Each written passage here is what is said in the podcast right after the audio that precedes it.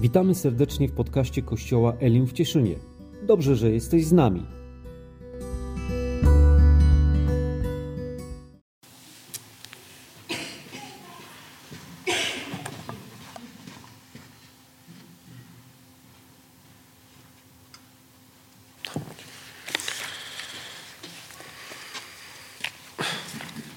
Chwała Bogu, bracia i siostry. Zaczęło się nietypowo wierszem i dalej będzie trochę nietypowo, ponieważ, e, mm, że tak powiem, myślę, że e, w kościele jesteśmy różnymi osobami, każdy z nas jest, jest trochę inny. Boże Słowo nawet mówi, że jesteśmy jednym ciałem, a pośród tego jesteśmy wieloma różnymi członkami. O tym też dzisiaj wiele będzie. Ja jestem takim członkiem, który, którego dużo interesują kwestie takie naukowe i tak nie mogłem sobie odmówić, żeby nie powiedzieć, że tak się złożyło, bracia i siostry, że nie będę dzisiaj wygłaszał kazania. Będę dzisiaj wygłaszał homilię tematyczną. I spokojnie to nie będzie nic w jakimś innym języku, chociaż o innych językach też dzisiaj będzie. E, homilia tematyczna to po prostu takie kazanie, które opiera się na jednym większym fragmencie tekstu i polega ono na analizowaniu tego, tego tekstu, a wynika to z tematu, jaki dzisiaj chcę poruszyć, ponieważ tytuł tego dzisiejszego, tej dzisiejszej homilii to homilia tematyczna o darach Ducha Świętego. I nie da się inaczej, moim zdaniem, powiedzieć o darach Ducha Świętego, niż y, częściowo w taki sposób rozważyć y, dwunasty rozdział pierwszego listu do, do Koryntian. Będę zaczynał czytać od czwartego wersetu ogólnie i będę się zatrzymywał co kilka wersetów i w pewnym sensie je omawiał. Dlaczego w taki sposób? Dlatego, że tak jak już powiedziałem, nie da się za bardzo chyba inaczej powiedzieć tak całościowo o tym temacie, niż właśnie w taki, w taki sposób. Dlatego, żeby wiecie, nie wyrywać poszczególnych części z jednej, z drugiej strony z tego, yy, z tego fragmentu, to zdecydowałem się, że tak powiem, że będziemy yy, jechać po kolei. I zacznę już E, czytać. To jest e, pierwszy list do Koryntia, 12 rozdział, jak już powiedziałem, i będę czytał na początek czwarty do siódmego wersetu. A różne są dary łaski, lecz duch ten sam. I różne są posługi, lecz Pan ten sam. I różne są sposoby działania, lecz ten sam Bóg, który sprawia wszystko we wszystkich. A w każdym różnie przejawia się duch ku wspólnemu pożytkowi. Teraz jak, jak widzicie ten fragment, który zaczyna tu mówić o darach Ducha Świętego. Nie mówi tylko o darach Ducha Świętego, ale mamy tu też coś powiedziane na temat posług, czy sposobów działania, czy że po prostu w różny sposób przejawia się Duch Święty. Więc widzimy tutaj, że o ile e, mamy tutaj tekst o darach Ducha Świętego, to nie jest to takie, wiecie, jakaś zamknięta, zamknięta lista. E, natomiast co jest, co jest najistotniejsze, to to, że tym jedynym, najważniejszym źródłem wszystkich darów Ducha Świętego jest, jest Duch Święty.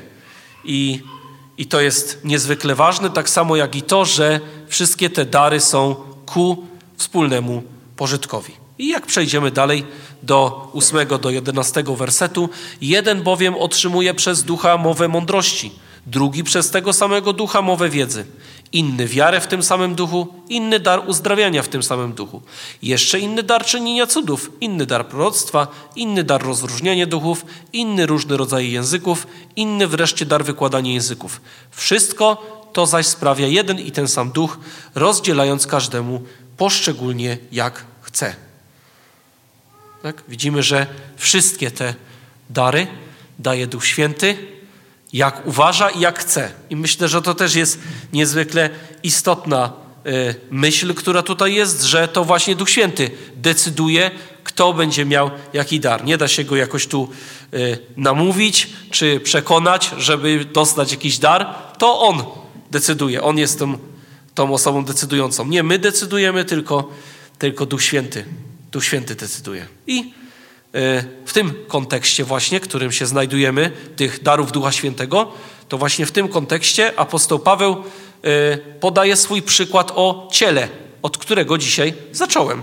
I jeżeli przeczytamy wersety od 12 do 14, to widzimy tutaj takie słowa. Albowiem jak ciało jest jedno, a członków ma wiele, ale wszystkie członki ciała, chociaż ich jest wiele, tworzą jedno ciało, tak i Chrystus. Bo też w jednym duchu wszyscy zostaliśmy ochrzczeni w jedno ciało. Czy to Żydzi, czy Grecy, czy to niewolnicy, czy wolni, i wszyscy zostaliśmy napojeni jednym duchem. Albowiem i ciało nie jest jednym członkiem, ale wieloma. Więc w tym kontekście posługi i darów Ducha Świętego, w którym się znajdujemy, Boże Słowo mówi, że jesteśmy jednym ciałem, ale różnymi, różnymi członkami. I wszyscy, czy to posługujący jakoś, czy obdarzeni, wszyscy są tym jednym ciałem i wszyscy są obdarzeni.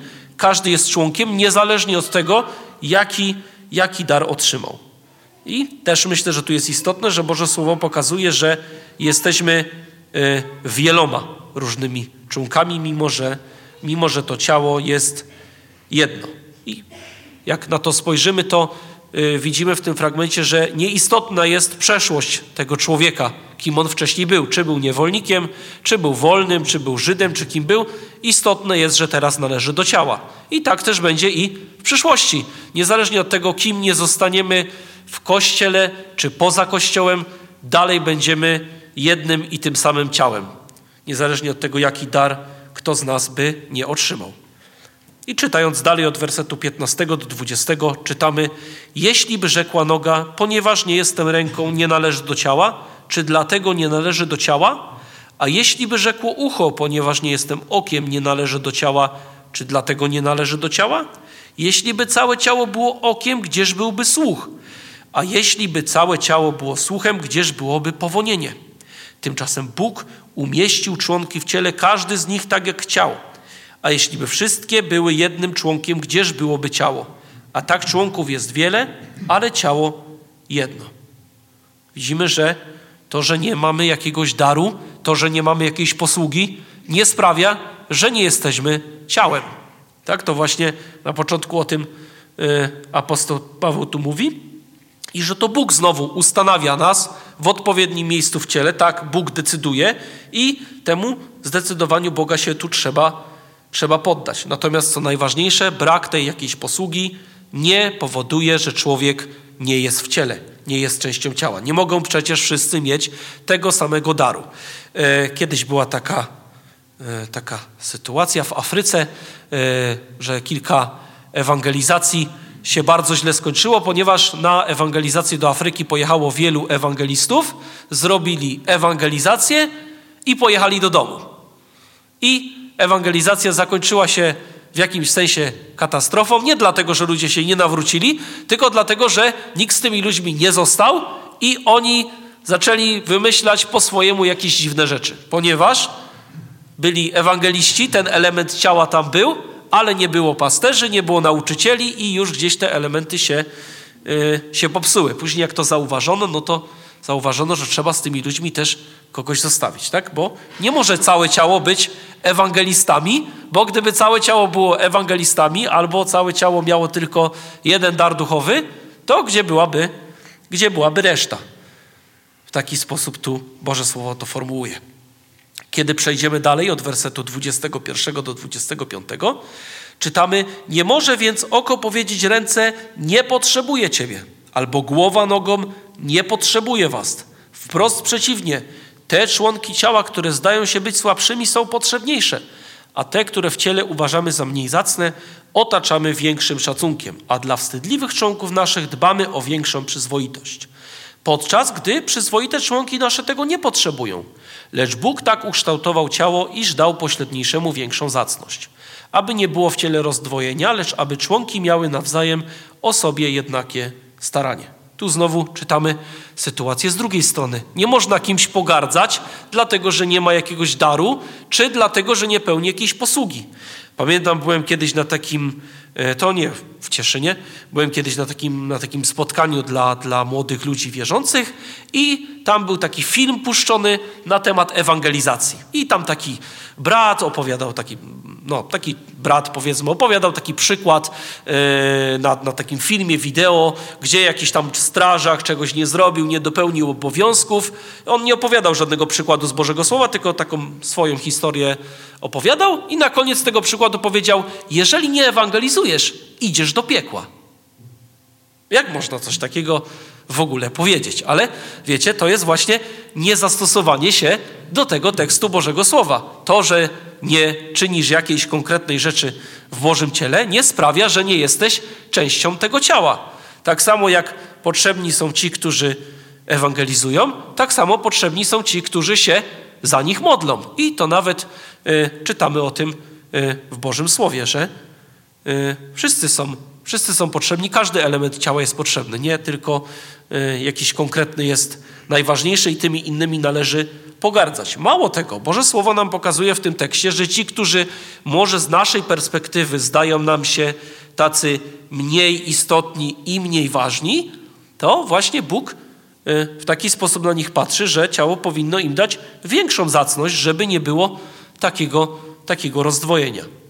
Tak więc każdy w tym ciele jest istotny, każdy jest ważny, każdy element pełni swoją rolę i każdego Bóg, znowu to przypomnę, umieścił w tym miejscu tak jak chciał, takie było jego zamierzenie i takie coś, yy, takie coś tak to powinno funkcjonować. Yy, czytamy dalej w wersecie 26 i 27.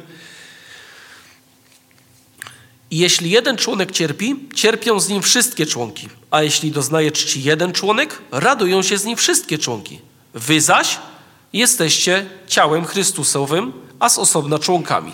Pozostając dalej w kontekście posług i e, darów, bo w tym kontekście apostoł Paweł to mówi, e, e, my jako, jako bracia i siostry powinniśmy się radować, kiedy jakiś członek doznaje czci. Jakbym zareagował, gdyby jakiś brat na przykład dostał dar prorokowania i zacząłby mówić proroctwa? Czy bym się cieszył, czy bym bardziej tak miał, czemu nie ja? Może ja powinienem, a czemu, czemu on? Czy, czy faktycznie bym, bym się cieszył? Czy to by sprawiało mi, mi przyjemność? Czy bym się radował z tego, że brat został tak pobłogosławiony? I odwrotnie, czy jeżeli bratu coś by się wydarzyło, jakoś by upadł, jakieś by miał trudności, czy nie powiedziałbym dobrze mu tak, tylko czy bym go wsparł, czy bym szukał w nim problemu, błędu i co on to nie narobił, jak do tego nie doszło, że on teraz jest w takiej sytuacji, czy bym mu pomógł. Bo to są dwie różne, różne postawy. I czytając dalej, przeczytam werset 28. A Bóg ustanowił w Kościele najpierw apostołów, powtórę proroków, po trzecie nauczycieli, następnie moc czynienia cudów, potem dary uzdrawiania, niesienia pomocy, kierowania, różne języki.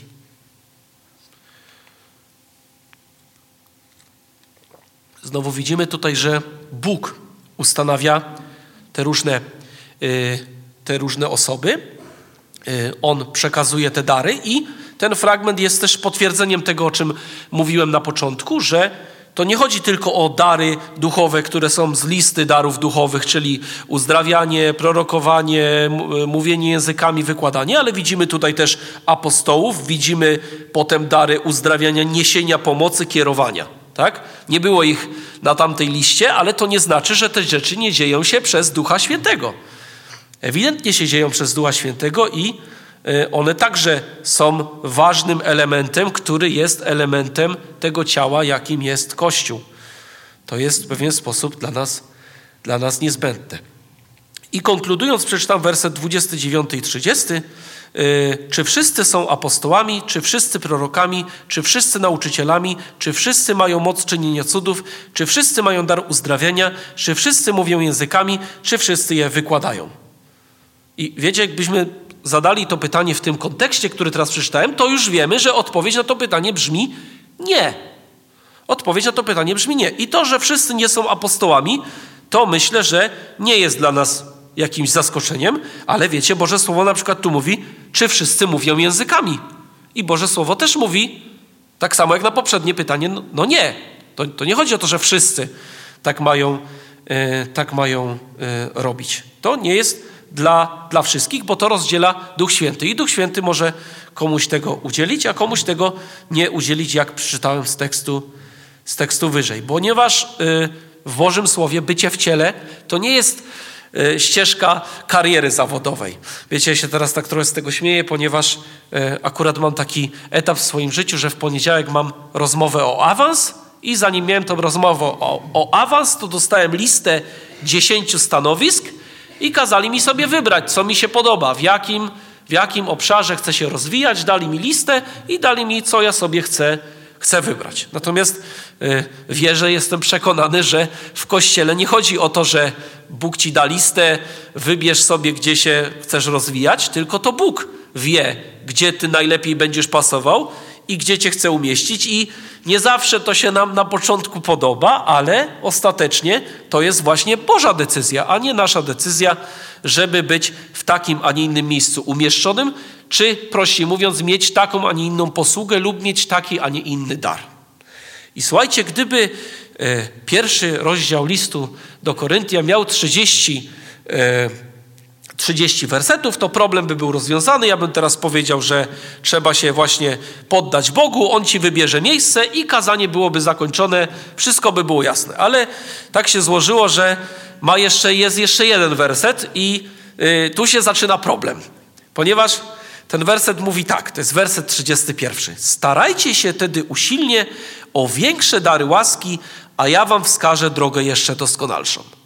I powiem wam, jak pierwszy raz zacząłem się zastanawiać nad tym, nad tym kazaniem i zacząłem czytać ten fragment i doszedłem do tego wersetu, no to jakby gdzieś w mojej głowie się zrodziło takie pytanie, coś tu jest nie tak. No to teraz czytałem Mnóstwo fragmentów na ten temat, że to Bóg decyduje, że to wszystko od Boga zależy, że to przecież Bóg umieszcza tych ludzi tak jak chce i tak dalej, i że nie ma gorszych ani lepszych. A teraz tu apostoł Paweł mi pisze: starajcie się wtedy o, usilnie o większe dary łaski. I y, y, tak już pro forma, tak, sprawdziłem to na wszelki wypadek, bo mi to nie dawało spokoju i tutaj na pewno jest napisane starajcie się, nie jest napisane staracie się, tak jakby to było takie oznajmienie, że wiecie, powinniście się starać o coś innego. Na pewno tu jest starajcie się, czyli imperatyw, czyli taki, taki przykaz. Starajcie się. To jest taki przykaz. I w tym kontekście, który ja przeczytałem, on nie ma żadnego sensu. Jak ja się mam starać o coś, co i tak Bóg decyduje, że on mi albo da, albo nie da. To, to tak jakbym, jakbym teraz tłumaczył wam przez pół godziny, że nikt z was nie musi być mechanikiem, po czym powiedziałbym, starajcie się wszyscy być mechanikami. No nie ma to sensu, tak na, na pierwszy rzut oka. Ale wiecie, ta, y, o, czym, o czym dalej mówi apostoł Paweł, czego nie będę czytał, bo myślę, że trzynasty rozdział y, pierwszego listu do Koryntian jest wielu z wam znany i nawet czytany często na, na ślubach, czy dawany na kartki weselne, to jest właśnie rozdział o miłości. I kiedy apostoł Paweł tu mówi, ja wam wskażę drogę jeszcze doskonalszą, to ma dokładnie na myśli to, że ja wam wskażę tą doskonałą drogę, tą doskonałą drogę do darów duchowych. I tą doskonałą drogą jest właśnie miłość.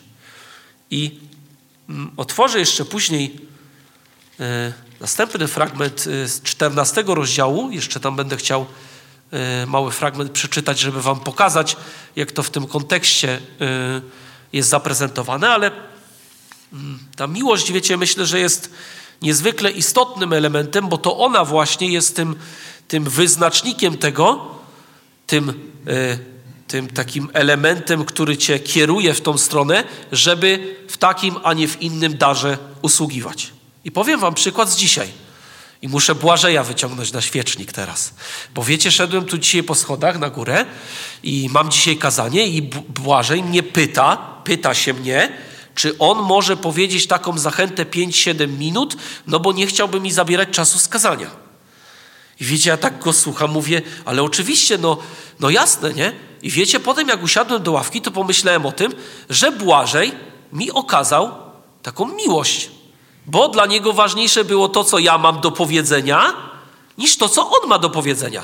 Nie powiedział, Bóg mi dał objawienie, żebym to przeczytał i ja się nie będę nikogo pytał, ja to przeczytam. Nie zrobił czegoś takiego, ale przyszedł i wiecie, w pewien sposób się jakby uniżył i powiedział, bracie, czy ja mogę ci zabrać trochę z Twojego czasu. Chociaż oczywiście nie mamy limitowanego czasu, ale myślę, że rozumiecie, co mam na myśli, nie? Gdzieś jakby w pewien sposób potraktował to, że ja mam kazanie, że mógłbym się stresować, że będzie za długo czy coś, jakby potraktował to poważnie. I myślę, że właśnie w takich rzeczach objawia się Duch Święty, objawiają się te dary Ducha Świętego, kiedy ta miłość się przejawia, kiedy jest ta droga tej miłości. I to jest ten właściwy kierunek. Zresztą chyba nie dałoby się nikomu nieść pomocy bez okazania mu miłości. Nawet trudno mi powiedzieć, tak na dłuższą metę, czy dałoby się, wiecie, prorokować bez okazywania komuś miłości. I y, patrząc na ten, na ten fragment i, i na tą drogę tej miłości, y, przeskakując ten trzynasty rozdział, przeczytał, przeczytam jeszcze kilka wersetów z czternastego rozdziału, ale najpierw przeczytam pierwszy. Dążcie do miłości, starajcie się też usilnie o dary duchowe, a najbardziej o to, aby prorokować. E, jak już przeczytałem, wiemy już na czym, myślę, że każdy z nas wie, na czym polega dążenie do miłości, dążenie do Chrystusa, bycie gdzieś takim człowiekiem pełnym, pełnym miłości. I o tym właśnie mówi cały trzynasty rozdział, jak to, co to znaczy być pełnym miłości. I właśnie to ten kierunek sprawia, że starasz się usilnie o dary duchowe, bo wiesz, kiedy zauważysz potrzebę, to ty się nie będziesz zastanawiał wtedy nad tym, czy ty jesteś właściwy, czy nie jesteś właściwy, tylko jeżeli Bóg cię tam postawił, to On cię w tym miejscu użyje. Wiecie, tak generalnie Boże Słowo nie mówi staraj się o te dary duchowe, które ci się podobają, tylko mówi staraj się o dary duchowe. Po prostu. Po prostu się o nie staraj. Nie o jakiś konkretny. Nie? Ale właśnie kiedy jesteś w miłości i widzisz jakiś brak, jakąś potrzebę, bo dary duchowe są przecież do usługiwania Kościołowi, a więc jeśli widzisz jakąś potrzebę w jakimś miejscu i faktycznie pobudza cię miłość, żeby to miejsce wypełnić, to jestem przekonany, że jeśli to jest naprawdę z miłości, to to jest od Ducha Świętego. I myślę, że nie mylę się, ponieważ źródłem miłości jest Bóg. Jeśli to jest miłość do Kościoła, to na pewno to nie jest pomyłka. A jeśli tam, wiecie, jest jakaś ambicja, jakieś inne rzeczy, no to wtedy myślę, że to jest oczywiste, że to już nie pochodzi od Ducha Świętego, a właśnie ten problem widzimy w Koryncie gdzieś, tak? Kiedy czytaliśmy ten, ten fragment z 12 rozdziału, to myślę, że to gdzieś czuliście, że ci ludzie chyba mają jakiś trochę problem z ocenianiem się, z takim jakimś podchodzeniem do siebie lepiej, gorzej w, w kwestii darów duchowych. Natomiast mało tego, co tu przeczytałem, to czytamy, że apostoł Paweł na koniec mówi, jeszcze coś do tego wszystkiego dokłada i mówi, a najbardziej to się starajcie o to, żeby prorokować. No i znowu teraz pytanie, o co tu chodzi, po co w ogóle, dlaczego apostoł Paweł tak z tym prorokowaniem tu, tu, tu wyskoczył, co on ma na myśli. Chciałbym przeczytać teraz jeszcze wersety od drugiego do piątego. Bo kto językami mówi, nie dla ludzi mówi, lecz dla Boga. Y, nikt go bowiem nie rozumie, a on w mocy ducha rzeczy tajemne wygłasza. A kto prorokuje, mówi do ludzi ku zbudowaniu i napomnieniu i pocieszeniu. Kto językami mówi, siebie tylko buduje, a kto prorokuje, zbór buduje. A pragnąłbym, żebyście wy wszyscy mówili językami, lecz jeszcze bardziej, żebyście prorokowali. Bo większy jest ten, kto prorokuje, niż ten, kto mówi językami, chyba żeby je wykładał, aby zbór był zbudowany. E, zacznijmy od, od, od, od początku, czyli od drugiego wersetu. Jak widzicie, w kościele e, korynckim zapewne dość dużo ludzi mówiło językami.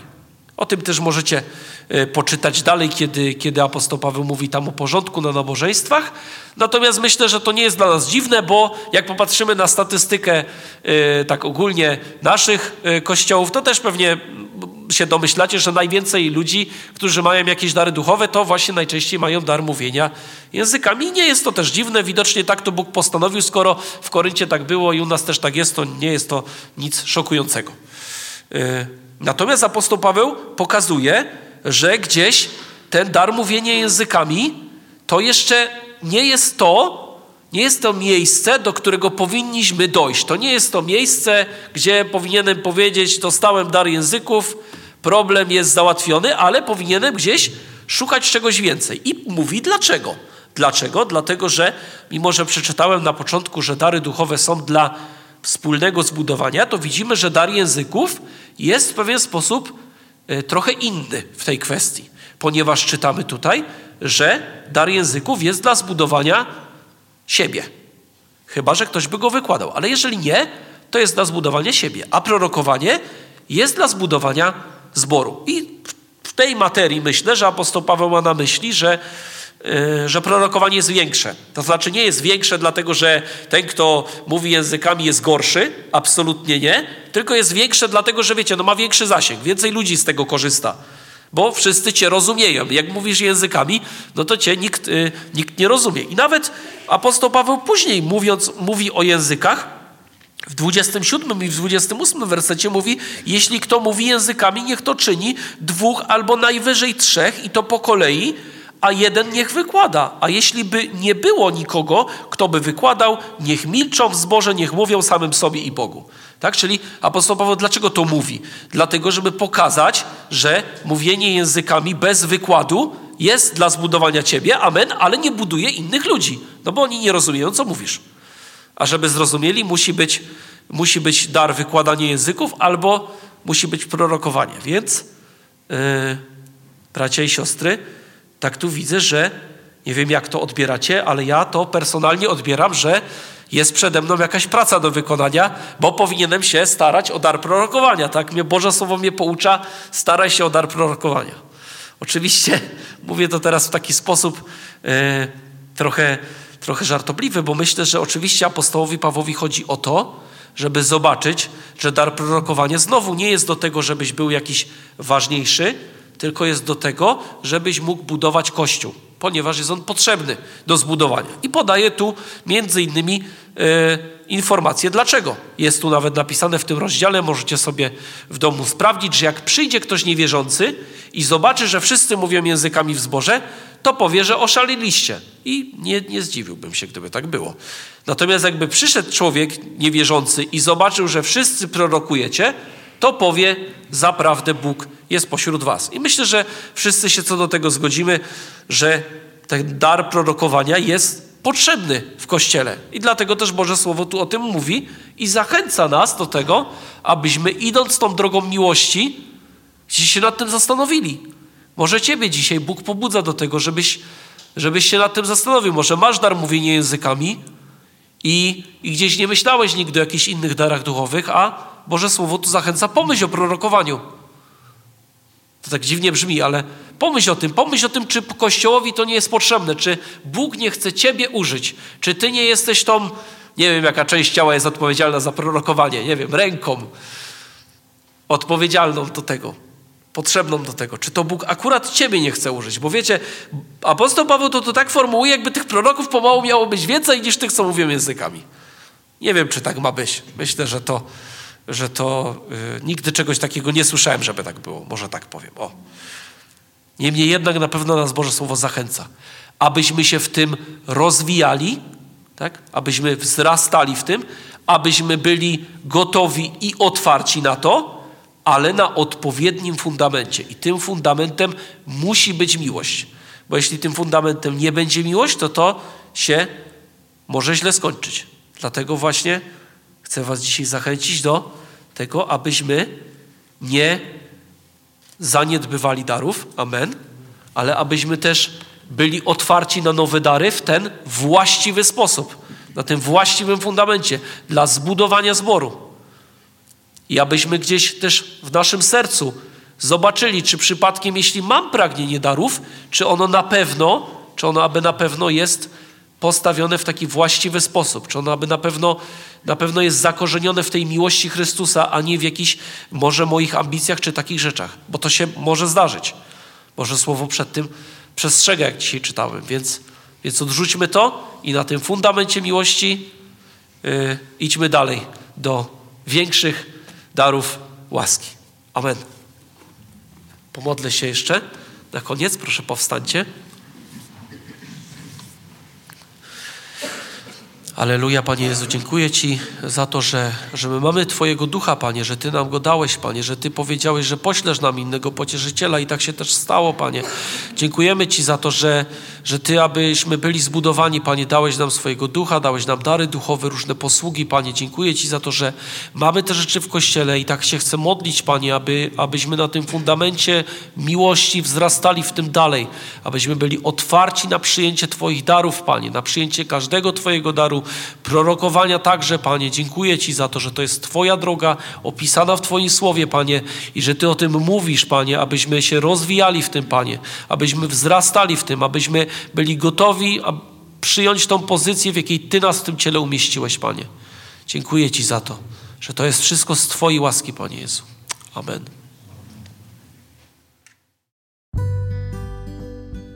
Dziękujemy za wysłuchanie rozważania. Mamy nadzieję, że było ono dla Ciebie źródłem błogosławieństwa i inspiracji.